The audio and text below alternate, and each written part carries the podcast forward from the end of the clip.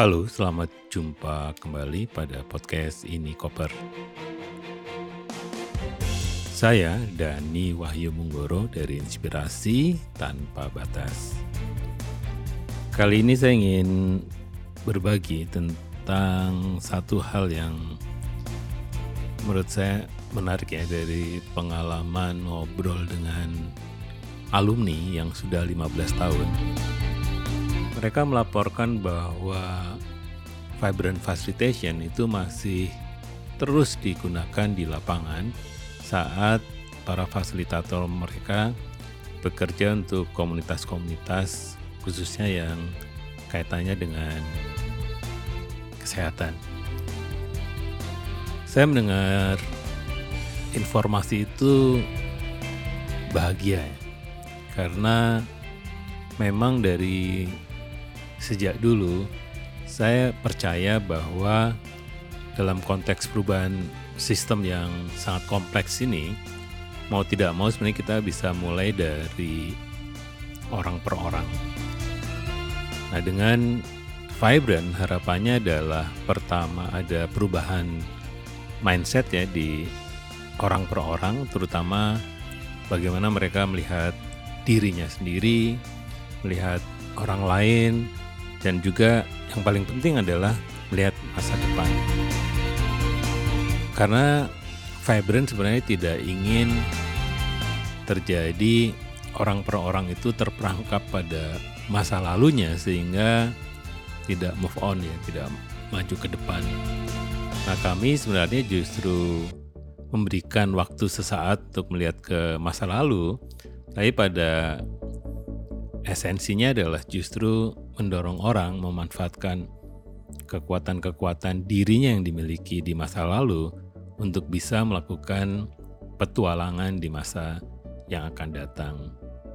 Nah, dengan berita-berita atau laporan dari alumni tentang bagaimana mereka tetap menggunakan Vibrant pada setiap langkahnya, itu menjadi obat ya, obat penguat gitu untuk terus bersama teman-teman itu mendorong setiap orang bisa pertama menjadi fasilitator vibrant, tetapi yang kedua sebenarnya adalah bisa menjadikan vibrant community. Nah, yang lain sebenarnya adalah bahwa di sisi laporan yang mengembirakan tadi, kawan-kawan juga melaporkan bahwa setelah 15 tahun mereka juga mengalami semacam monoton ya. Jadi kreativitasnya tuh monoton. Jadi kadang butuh suntikan baru gitu katanya. Nah, saya juga bahagia memperoleh apa challenge seperti ini karena saya sendiri juga terus ya terus mendorong untuk melakukan perubahan-perubahan khususnya di teknik atau di metode bahkan juga di mindsetnya sendiri. Semisal saya sendiri kadang mulai tidak yakin apakah memang perlu ya fasilitator ini. Tapi kalau melihat laporan kawan-kawan seperti ini, kadang oh ya ya masih relevan juga ya fasilitator dalam konteks dunia yang serba digital ya. Sudah ada AI juga jadi semua orang sebenarnya sekarang kalau ada pertanyaan ya tinggal tanyakan ke AI saja kalau soal definisi, soal informasi dan sebagainya. Tapi yang kita ingin sampaikan sebenarnya di Vibrant, kita kan ingin manusia itu menjadi manusia ya. Maksudnya itu adalah bahwa kadang tanpa sadar adalah pada saat kita misalnya bekerja, tiba-tiba kita tuh menjadi tubuh saja gitu. Mind, heart gitu.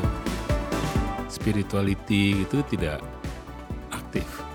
Karena serba takut gitu. Jadi melihat sesuatu tuh harus ada SOP-nya gitu. Kalau tidak ada SOP-nya itu seperti sesuatu yang salah gitu.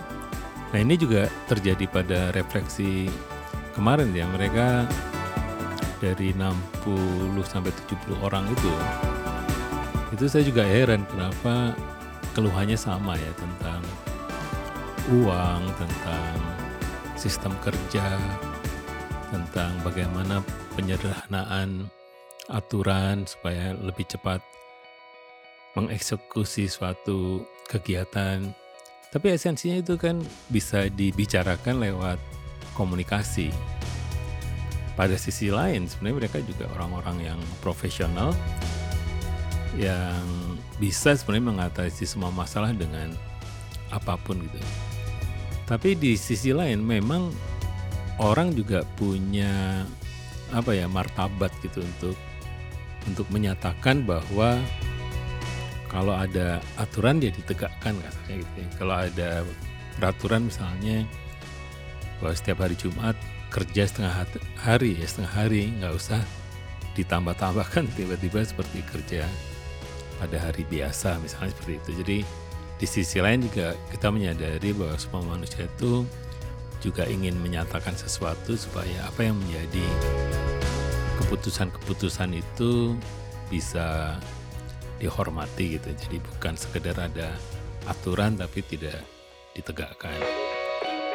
Nah, yang lain sebenarnya adalah pada pada proses-proses ke depan tentang dunia fasilitasi ini, apakah tadi akan digantikan oleh dunia digital yang memang lebih makin pintar gitu mereka ya untuk bisa melakukan apa saja bisa bikin video, bisa bikin foto, bahkan sekarang itu kita hanya mengetik narasi sebuah teks gitu.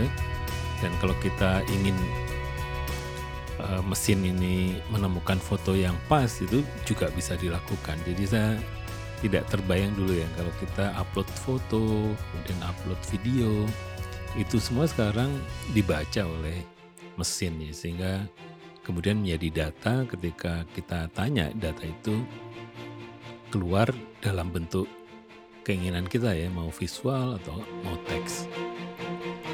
Nah dunia fasilitasi mau tidak mau tadi bagaimana kita mengaktifasi manusia bukan sekedar komputer gitu. Ya bisa tubuh atau logikanya saja, melainkan ada rasa gitu. Kalau dalam digital mungkin bentuknya jadi emoticon ya. Nah emoticonnya itu lebih kaya lagi di manusia ini gitu. Ya emoticonnya tuh banyak gitu. Dan dan macam-macam gitu. Levelnya itu macam-macam. Tapi itu juga di Google misalnya atau di Canva kalau nggak salah. Kalau kita memilih orang untuk menyampaikan apa yang ingin kita sampaikan, itu bisa memilih apakah sedang marah, sedang netral, sedang capek, sedang situasi hatinya seperti apa. Dengan kata yang sama, itu mesin bisa menggantikan sekitar 10 perasaan orang ya pada sebuah kata misalnya selamat pagi. Nah kalau lagi marah selamat pagi. Kalau lagi jatuh cinta selamat pagi. Dan seterusnya kita bisa macam-macam gitu. Nah kemudian yang lain sebenarnya adalah bahwa dengan makin apa ya rise atau makin meningkatnya peran-peran mesin ini mau tidak mau sebenarnya adalah kita harus melihat dari sisi positifnya, tapi juga manusia mulai bisa sebenarnya kita mengasah sisi-sisi kemanusiaan yang sebenarnya belum di belum ditransformasi atau ditransfer ke bentuk mesin. Nah itu yang mau tidak mau sebenarnya kita harus mengeksplorasi kemanusiaan kita pada saat berinteraksi. Jadi fasilitasi akan tetap penting karena justru akan bisa menjadi uh, pendalaman kita secara manusia. Jadi kembali pada keistimewaan kita sebagai manusia. Jadi saya tetap optimis ya meskipun mesin makin pintar, tapi juga manusia makin jauh. Itu saja ini koper kali ini. Saya Dani Wahyu Menggoro. Sampai jumpa pada edisi berikutnya.